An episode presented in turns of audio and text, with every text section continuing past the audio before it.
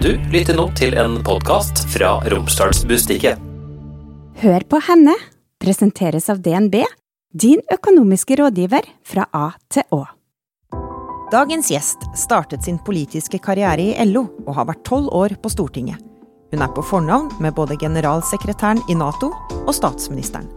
Som politiker har hun opplevd hets, trakassering og drapstrussel. Nå har hun en av fylkets mektigste jobber. Else-May Norderhus, velkommen til Hør på henne. Takk for det. Hvordan går det? Jo, det går bra. Jeg syns det var spent å få være med på det her, da. Når jeg skulle lage introduksjonen av deg til dette programmet, så fikk jeg lyst til å si Botten, for det het du jo før. Hvorfor bytta du etternavn? jeg tror det er mange som lurer på. Jeg har fått spørsmålet mange ganger, og mange sier jeg bruker Botten, eller? Eh, nei, det var nå fordi jeg gifta meg da, og tenkte at det var fint at vi har samme etternavn. Er det fortsatt sånn at folk kan si feil? Ja. Det skjedde senest i går. Jeg tenker at ja, det er bare morsomt. Men navnet ditt, altså ditt tidligere navn, Ja. eh, Botten, det er jo et sted, en liten bygd på Nordmøre, der Ja. du har vokst opp. Og hva betyr eh, det stedet for deg? Nei, jeg syns jo det er perle, da. Si litt om hva du lærte i oppveksten som du har tatt med deg videre. Ja, det kan jo være mange ting, men den her eh, rausheten eh, og sjenerøsitet tror jeg kanskje jeg har lært ganske mye om. Jeg har hatt veldig ja, snille, gode foreldre som på mange måter har valgt hver sin retning å leve, da. I hvert fall når vi var små. Merka vi det ganske godt. Vi var liksom med eh, mamma på barneforening og søndagsskole og til kirke og sånn, fordi at hun har veldig sterk tilknytning til tru og kirke og sånn. Og så far min, han eh, spiller på fest på lørdagen, så kunne vi være med han i tillegg, så var det jo innertier. Men jeg tenker liksom at det er Det viser noe med et spenn du kan ha, da. I forhold til å likevel være veldig glad i hverandre og ha stor respekt for hverandre. Og så har du kanskje fått med deg en viss interesse for eh, næringsliv og Ja. gründerskap også? Ja. eh, Bestefaren min var gründer når jeg vokste opp, og jeg begynte jo tidlig å jobbe med han. Når jeg spurte han hvorfor han drev med å bygge opp arbeidsplasser, så var det alltid samme svaret. Eh, Arbeidsplasser er viktig. Verdiskaping og det med å skape langsiktige arbeidsplasser, så folk har muligheter til å ha en jobb å gå til, var drivkrafta. Jeg har alltid sett på gründere da, som samfunnsbyggere som har et engasjement langt utover egen lommebok, som kanskje ofte mange tenker på. Og den interessen din for eh, næringsliv, den har jo eh, du tatt med deg inn i politikken, og det skal vi komme tilbake til. Men først så hadde jeg lyst til at vi skulle snakke om eh, jobben din som statsforvalter. Ja, Og da må vi nesten begynne med hva er egentlig en statsforvalter? En statsforvalter er en representant for regjering og konge i sitt fylke. Så vi er på en måte regjeringas forlengede arm. Og jobben min er jo at jeg er utnevnt som en representant i så måte. Helt konkret.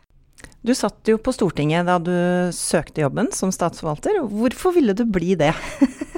Ja, det er en artig historie. Også. jeg vet nesten ikke om jeg skal si det, men jeg, jeg tror kanskje jeg skal tore meg frampå, da. For det var jo i 2018 eh, at Harald Tom Nesvik gikk ut eh, av den eh, utnevnelsen. Han har på en måte blitt oppnevnt tidligere, da, og trukket seg. Og så ringer Sunnmørsposten. jeg holder på å skrive en artikkel jeg nå, sier journalisten. Og der står det at du skal bli ny statsforvalter. Så jeg, nei, du kødda, ikke begynn med det, liksom. Ja, men det, det begynte der. Og så fikk jeg bare to og tre telefoner fra samme person. Og så tenkte jeg at det er kanskje sånn at jeg bør i hvert fall vurdere det, da. For det er jo ikke ofte det er den type muligheter.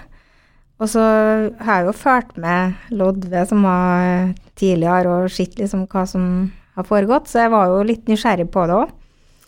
Så da gikk jeg jo ja, eh, 10-15 runder med meg sjøl, og så tenkte jeg at nei, jøss, det har jo vært utrolig spennende å prøve det her. Og da ringte jeg departementet og snakka litt med dem først, og så sendte jeg en søknad. Så tenkte jeg det hadde vært artig å komme inn som litt sånn forholdsvis ung eh, dame som har lyst til å bidra, da, og ha et engasjement rundt eh, det å ta den store oppgaven som det faktisk er. Den første dama må vi få påpeke der, ja. i historien. Ja, det var det. Men så var det jo sånn at uh, assisterende statsforvalter Rigmor Brøste tok stafettpinnen i mellomtida der, så hun ble den første fylkesmann, og, altså kvinnelige fylkesmann, og første kvinnelige statsforvalteren inntil jeg kom. Og da du fikk vite at du fikk jobben, hva, hvordan reagerer man på en sånn beskjed da? Jeg syns det var utrolig stas, altså. Jeg var veldig takknemlig for det. Og det var jo Erna og Trine Skei Grande og uh, Siv Jensen som sto bak uh, det vedtaket. Så det var jo òg en sånn bekreftelse på at uh, respekt ifra de kollegaene. Dine politiske motstandere.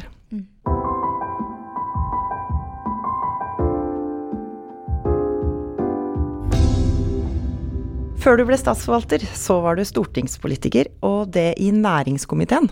Du har jo fortalt litt om oppveksten din og hva du lærte av eh, særlig din bestefar. Hvordan havna du i næringskomiteen, og hvorfor ville du dit? Det tror jeg handla mest om eh, mine ti år i LO i forkant. At jeg jobba veldig mye sånn ja, litt over på den politiske sida, da. Eh, og satte meg inn i hva bedriftene i Møre og Romsdal har av utfordringer. Var mye rundt og besøkte både ansatte og ledere, og satte meg inn i hva utfordringene de sto i. Og så tenkte jeg at det, det engasjementet ville jeg ta med inn i politikken hvis det var mulig. For det er jo ikke sånn når du kommer på Stortinget at du velger sjøl hvilken komité du skal sitte i. Du har jo da gått gjennom både en nominasjon og en valgkamp uten å vite hva du skal gå til. Eh, og for å si det sånn, eh, første komitémøte i næringskomiteen, så, så kom det her med kastrert hanngris som første sak. og da tenkte jeg nei, nei, nei, hva jeg driver på med? hva har jeg kjempa så mye for å komme hit etter? Det var liksom eh, Ja. Da kommer virkeligheten imot deg, og så tenker jeg at ok, det er mye usikkerhet sjøl og et langt intervju. det er godt å høre at det er både litt smått og stort i Stortinget òg, kjente jeg nå. ja. ja, det er riktig. Så kom budsjettet ganske fort etterpå. Nettopp. Og da ble det alvor. Ja. Men hva starta ditt politiske engasjement med? Altså hvorfor ble du interessert i politikk i det hele tatt? Ja, det, det er et godt spørsmål, altså. Men eh, det var rett og slett uh, når jeg begynte som ungdomssekretær i LO i 1999. Og så jobba vi òg med politiske saker, at vi engasjerte oss og så på hvordan ting var i arbeidslivssammenheng, da. Og da var det sånn at Gro Harlem Brundtland har innført en ungdomsgaranti da hun satt i regjering, i forkant. Eh, det handla om at alle ungdommer skulle ha tilbud om utdanning, arbeid eller arbeidsmarkedstiltak. Så det heter på det den gangen. Eh, og så når Bondevik kom til makta etter Gro, så tok han og fjerna den. Og så ble jeg så engasjert i det, for jeg mente at det var så viktig at ungdom skulle ha en plass i samfunnet, en aktiv plass i samfunnet. At de ikke ble liksom Nei, du får ikke være med, du. Toget går ifra deg. Altså den holdninga der, den kjente jeg den var tung. Så Derfor så jobber jeg ganske aktivt med å sette meg inn i det her politisk, og jobba nasjonalt med det da i LO-sammenheng. Og det var jo inngangen min til fylkestinget i 2003, at jeg ville jobbe for å få til det i Møre og Romsdal, da. Har du alltid vært en sånn som sier det du mener og rekker opp hånda? Eh, ja. Jeg vet ikke om jeg alltid rekker opp hånda, eller? jeg tror jeg i hvert fall sier hvem mener. Men jeg, jeg, visste ikke sjøl at det var noen sånn politiker... Eh, eh, spire i meg, for å si det sånn. At eh, ikke har jeg venner eller familie som var interessert, sånn superengasjert i hvert fall, i det, i politikk. Så det var noe som eh, kom da, i jobben min i LO. Og nå driver du jo ikke med politikk, for så vidt. Er det et savn? ja, det spør Jonas om, og jeg snakka med han sist. jeg tenkte, hva sier jeg nå? og Jonas, det er da statsministeren, ikke sant? ja. Savna politikk og sånn, litt usikker. Uh, nei, altså jeg syns at det, det, er veldig artig å være politiker. Uh, spennende på mange måter. Men òg kjempefint for min del å få se det, hvordan politikken uh, ja, påvirker forvaltninga, og hvordan det å være på den sida. Er det noe du ikke savner fra politikken? Ja. Som for eksempel? Gardermoen. det er lite Det savner jeg ikke. Altså det her med å på en måte drive og stresse for å nå fly hele tida for å komme deg nedover eller opp igjen. Eh, dårlig vær, eh, utsatte fly osv. Det er ganske heftig. Det har ikke noe med politikken her, men det er liksom det livet, da. Du har som ukependler i tolv år. Det er jo krevende. Helt klart. Og nå kan du spasere ned på kontoret på Jeg triller fylkeshuset. ned. Ja. Ja. Fantastisk. Hvor mye har du ofra for eh, de politiske topposisjonene? Altså, som du akkurat nevnte, da. Tolv år pendlervirksomhet. Tre perioder på Stortinget. Føler du at du har ofra noe?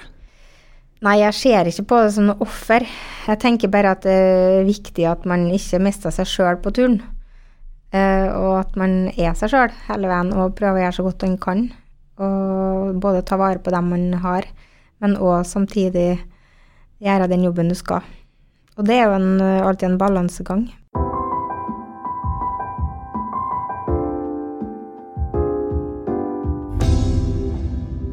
Hvordan vil du at folk skal huske deg som politiker? Altså Nå høres det ut som du skal slutte å være politiker for alltid, og det er jo ikke sikkert. Men i den eh, politiske karrieren du har hatt, da, hvordan vil du at folk skal huske deg da? Jeg håper at jeg blir huska for at jeg har tort å sagt eh, hva jeg mente, og stått for noe. Og Tore å stått i det sjøl om det har blåst litt. Jeg har vært veldig opptatt av å være pragmatisk, finne løsninger. Men har du et eksempel på en sak der du virkelig har måttet stå i stormen? Jeg tenker at det har vært ganske tøft mange ganger, både lokalt her. Bare det å stå til den sykehussaken og til enhver tid forsvare det ditt parti eh, står for, så er det jo veldig mange som vil vri og vrenge på det akkurat sånn som det passer dem ut ifra deres sitt ståsted. Mens jeg har faktisk stått i, i forhold til det vi har landa på, alltid har landa på. Og det har vært litt sånn en vegg, det òg. Jeg syns at eh, jeg er opptatt av hele fylket og tenker at det er det vik viktig at vi bygger laget. Har du opplevd noen form for eh, hets eller sjikane? Ja.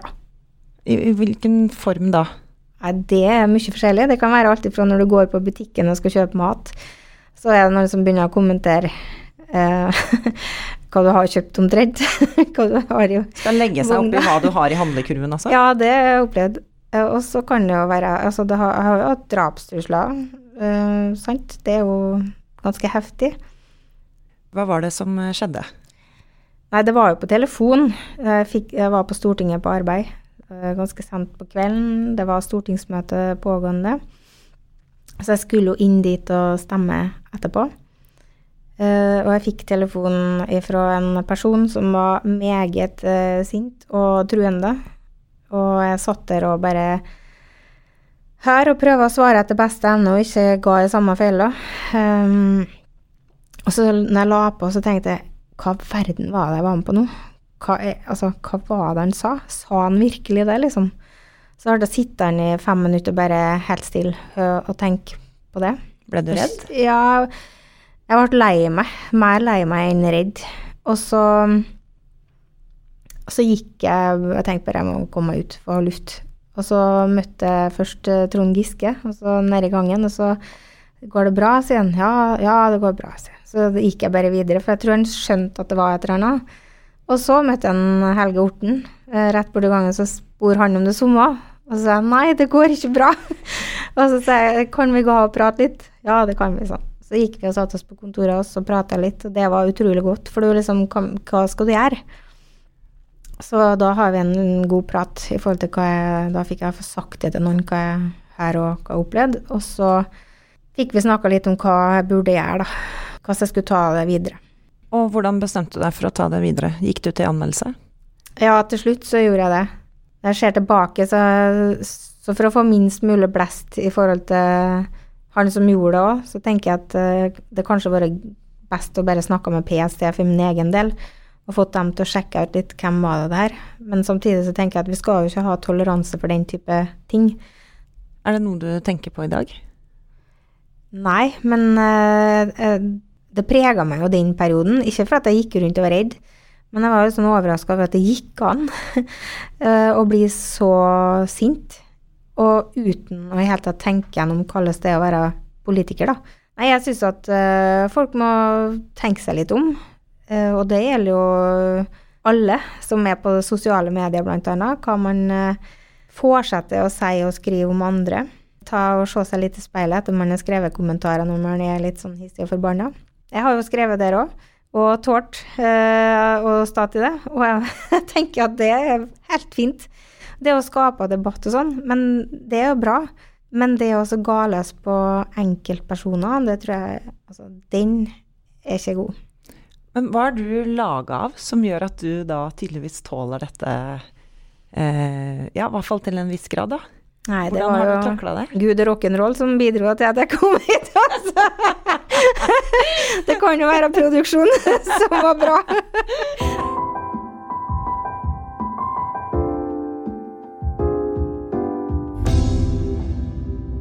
Du har nesten ti år i Arbeiderpartiet sitt sentralstyre. Hvor mye merka du til eh, den maktkampen mellom Hadia Tajik og Trond Giske? Nei, det merker jeg ikke mye til. Altså, når du spiller på lag, så er du på samme lag, så jobber du for samme saken. Jeg vil jo ikke si at det var sånn en synlig kamp. Skapte det noe dårlig stemning eh, innad i det hele tatt? Det er jo aldri greit når det er utfordringer som det var den perioden uh, metoo, eller når det skjedde det som skjedde i forhold til Trond Giske, da. Det er jo sånn som berører alle. Du syns jo ikke det er greit å se at noen må stå til noe sånt, eller uansett hva man har gjort og ikke gjort. Jeg tror det er viktig å ikke være en dømmende kraft der, men tenk at uh, det er tøft å stå i det. Men uh, jeg snakka jo en god del om det med metoo og den kampanjen, hva viktig den var for uh, verden, vil jeg si. Det å løfte det blikket. Og jeg vil jo si at uh, at jeg tror det var sunt å ha en oppblåsing, utblåsing, eller hva vi skal kalle det, i forhold til å løfte opp saker som damer har opplevd. Da. Og menn òg, for så vidt. Har du selv opplevd noen form for uh, seksuell trakassering eller ubehagelig oppførsel i dine år i politikken? Du starta jo som ung kvinne. Mm. Ja, uh, det er nok en god del å ta uh, og bla fram der, for å si det sånn. Men jeg husker jo at jeg har innlegg om det her, og da, da viste jeg noen meldinger som jeg har fått, bare for å vise hva, hva du kan få, da. Og det er jo ganske spesielt. Mm. Du må jo være litt hardhuda, samtidig som mener at du må si fra, og ikke være redd for det. Hva slags meldinger kunne det være? Nei, det, hvis jeg tar det på husken, da. Det er jo ikke så lett. Men det var sånn En som hele tida kaller meg statsråden, da. Det har jeg ikke vært. Jeg har respekt for statsråden, men jeg vil gjerne dra av deg trusa og piske det, liksom. Det, ja. Okay. det var på det nivået der. Mm -hmm. Så det var, ikke, det var, ikke, så attraktiv melding å få. Og hvor gammel var du når du fikk sånne type meldinger? Nei, det er jo kanskje Ja, når var metoo, da? Husker du det? det er jo ikke så mange år siden. Nei, 2015 kanskje? Ja, noe mm. sånt. Mm. Så var rundt den perioden. Mm. Tror du Kanskje litt før. Ja. Tror du at metoo har endra noe? Har det blitt bedre? Håper det. Håper det. Og det var veldig merkbart hvis du var med i en debatt om um, Politisk kvarter eller Dags 18 eller et debatten eller sånn, så da du virkelig har gått ut og hatt en mening om noe og vært på skjermen, så var det jo nesten alltid at du fikk noe etterpå. Så synlighet mm. eh, bidro til å, at det kom eh, oppmerksomhet, da, som du ikke egentlig ville ha? Ja, helt klart. Men har du tillit til at eh, partiene nå har rydda opp, altså sånn i varslingsrutiner og i egen kultur? Ja, absolutt. Ja, det har jeg. Og jeg tror at um, det som du sier, partier har gjort det. Men det er jo ikke bare parti. Det er jo et helt samfunn som har vært prega av det. Bare for å si det, da. Det her har jo ikke bare vært i politikken, men det har jo kanskje vært mest attraktivt å skrive om at det var politikere sant, som uh, har vært utsatt for det, eller har gjort noe.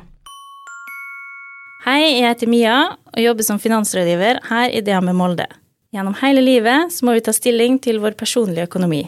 Enten det gjelder å spare som barn, kjøpe sin første bolig eller planlegge til pensjonisttilværelsen. Vi i DNB Molde vil være tilgjengelige for det når du har behov for gode økonomiske råd fra A til Å. Gå inn på dnb.no for å avtale et møte med oss. Hva vil du si at du lærte av eh, årene på Stortinget? Oi. Ja, det er mye. Det var et skikkelig vanskelig spørsmål. Altså, jeg har lært utrolig mye om Norge. Om folket her. Likheter, ulikheter. hvordan eh, samfunnet er bygd opp, hvordan du kan være med å påvirke. Hvordan rammene for eh, både politikk og hvordan landet vårt styres da, i demokratiet Norge. Det har vi i hvert fall lært eh, veldig mye om. Eh, jeg bare, det første som slår meg nå, er at jeg har med meg en eh, lærer fra videregående her i Romsdalen. På Stortinget som eh, på litt sånn arbeidsuke, sånn som elevene har. I tre dager. Og henta han sju om morgenen og satt han eh, dit han eh, bodde klokka elleve om kvelden. Og vi, vi sprang snart hele dagen. Alle dagene, alle tre. Så jeg tror at han har lyst til å fære hjem og skrive om bøkene.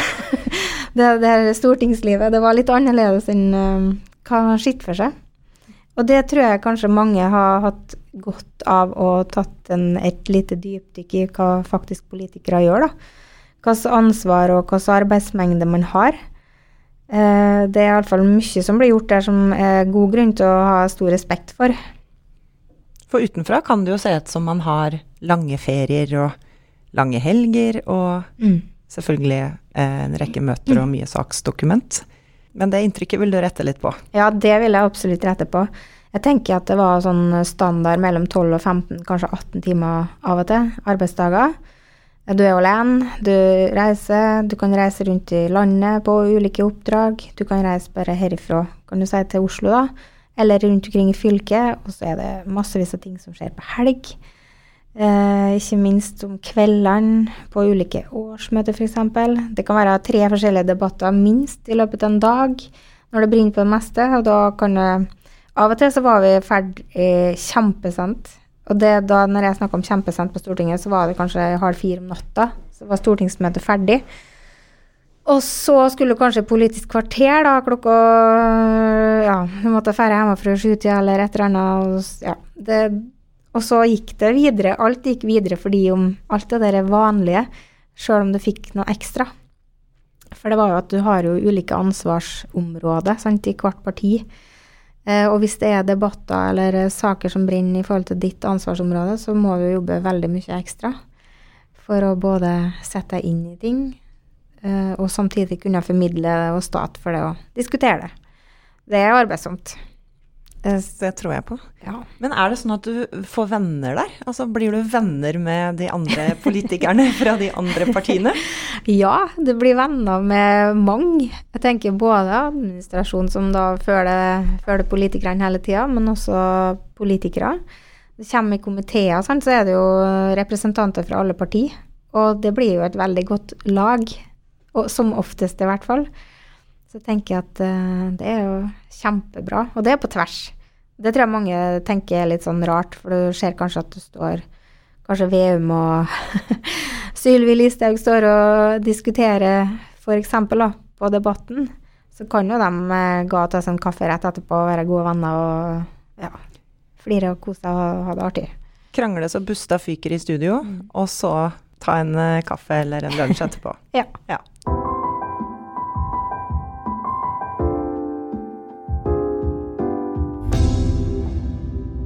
Du har tatt noen utradisjonelle valg, ikke bare i yrkeslivet, men også når det gjelder det du holder på med på fritida. Og da har jeg tre stikkord her. Jakt, fly og radio. Og radio og mye mer. Og mye mer. ja. Fortell, hva er det du begynte med først, og hvorfor det? Nei, når jeg kom på Stortinget, så fikk jeg tilbud om å være med på å ta jegerprøven. vi laga sånn egen SFO etter vi var ferdig på onsdager. Så var vi ni stykk som fant ut at vi skulle ta jegerprøven i Arbeiderpartiet. Og jeg har jo alltid vært interessert i å komme meg ut i naturen, og jakt har vært en sånn greie jeg har virkelig lyst til å drive med. Jeg tenker det sånn, det å klare seg sjøl og sanke litt mat, ikke bare bær, det er viktig. Eh, Så derfor så syns jeg det var spennende å være med på det. Og i dag så jakter du på hva? Ja, det er litt forskjellig. Akkurat nå i høst så har jeg jakta rype og skogsfugl.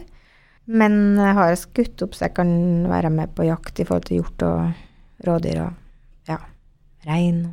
Ja, litt sånn forskjellig hvis man får tida til det. Har du skutt storvilt? Ja.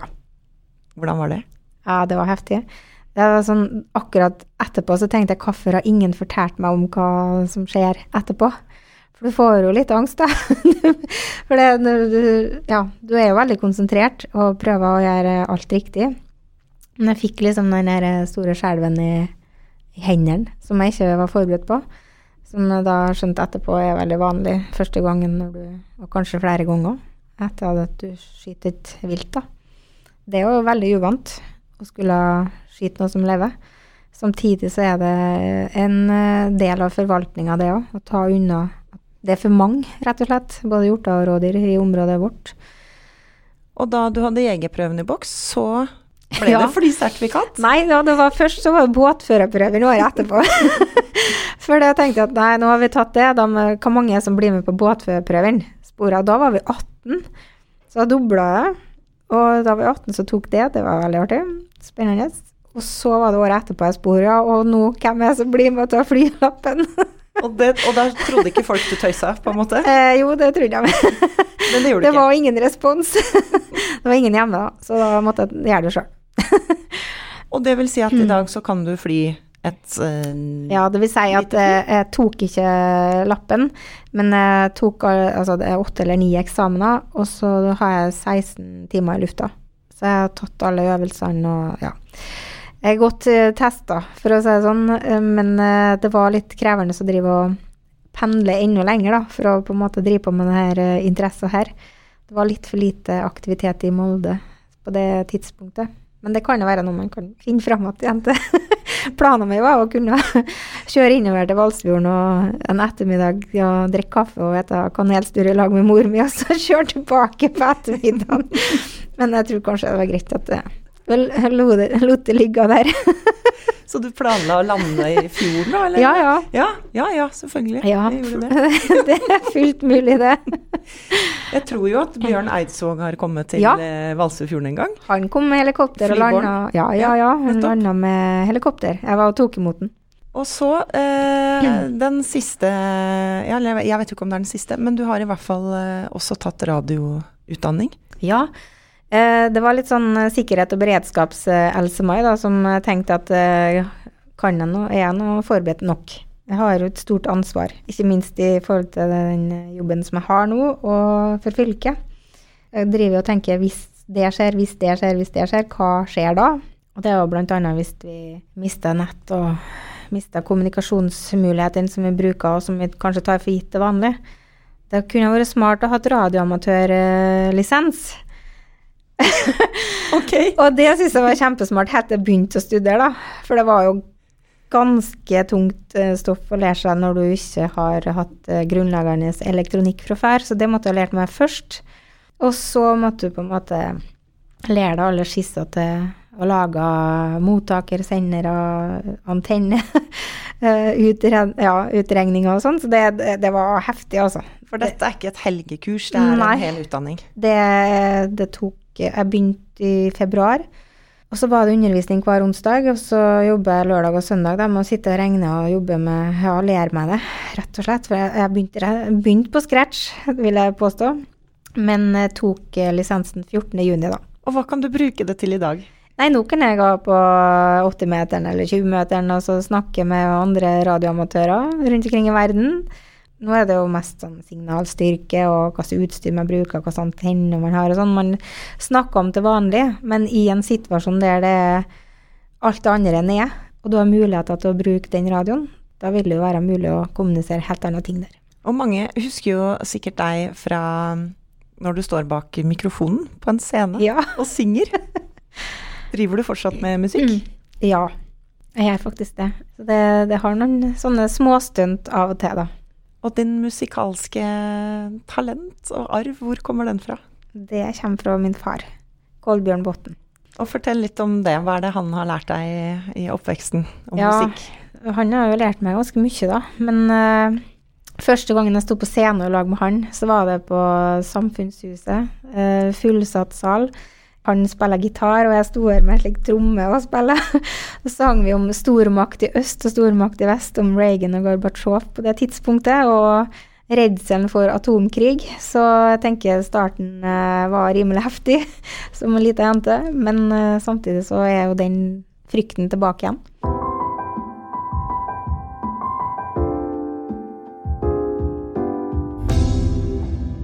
Eh, hva har livet lært deg? Har du et råd som du vil gi videre til andre? Ja. Jeg tenker at uh, alltid ha trua. Tenk at du får til ting. Tenk at du trener. Være, være på. Det er livet ditt, det er det kun du som kan håndtere. Pass på at du klarer å stå av uansett hva som møter deg. Og hvis du skal trekke fram en kvinne som har vært eh, viktig for deg, eller som har gjort inntrykk på deg, hvem, ja. Eh, hvem er det? Ja, da er jeg veldig klar på hvem det er. Det er rett og slett dronning Sonja. For i høst så har vi besøk av kongeparet. Vi var på fylkesreise på Sunnmøre. Var innom fem forskjellige kommuner. Og det å se kalles den uh, energibunten av ei dronning vi har. Holdt på fra morgen til kveld med stor entusiasme for å bidra til at folk skulle bli fornøyd, lever uh, Ja. Og så brennende engasjert. Og jeg tenker, det å følge dem, uh, være med på kongeskipet i flere dager, det å se dem på nært hold, og den positive driven som de har, og respekten for både deres oppdrag og folket, tenker jeg var bare utrolig fint. Så hvis jeg kjenner at jeg begynner å bli litt stressa, så tenker jeg tenk på dronning Sonja.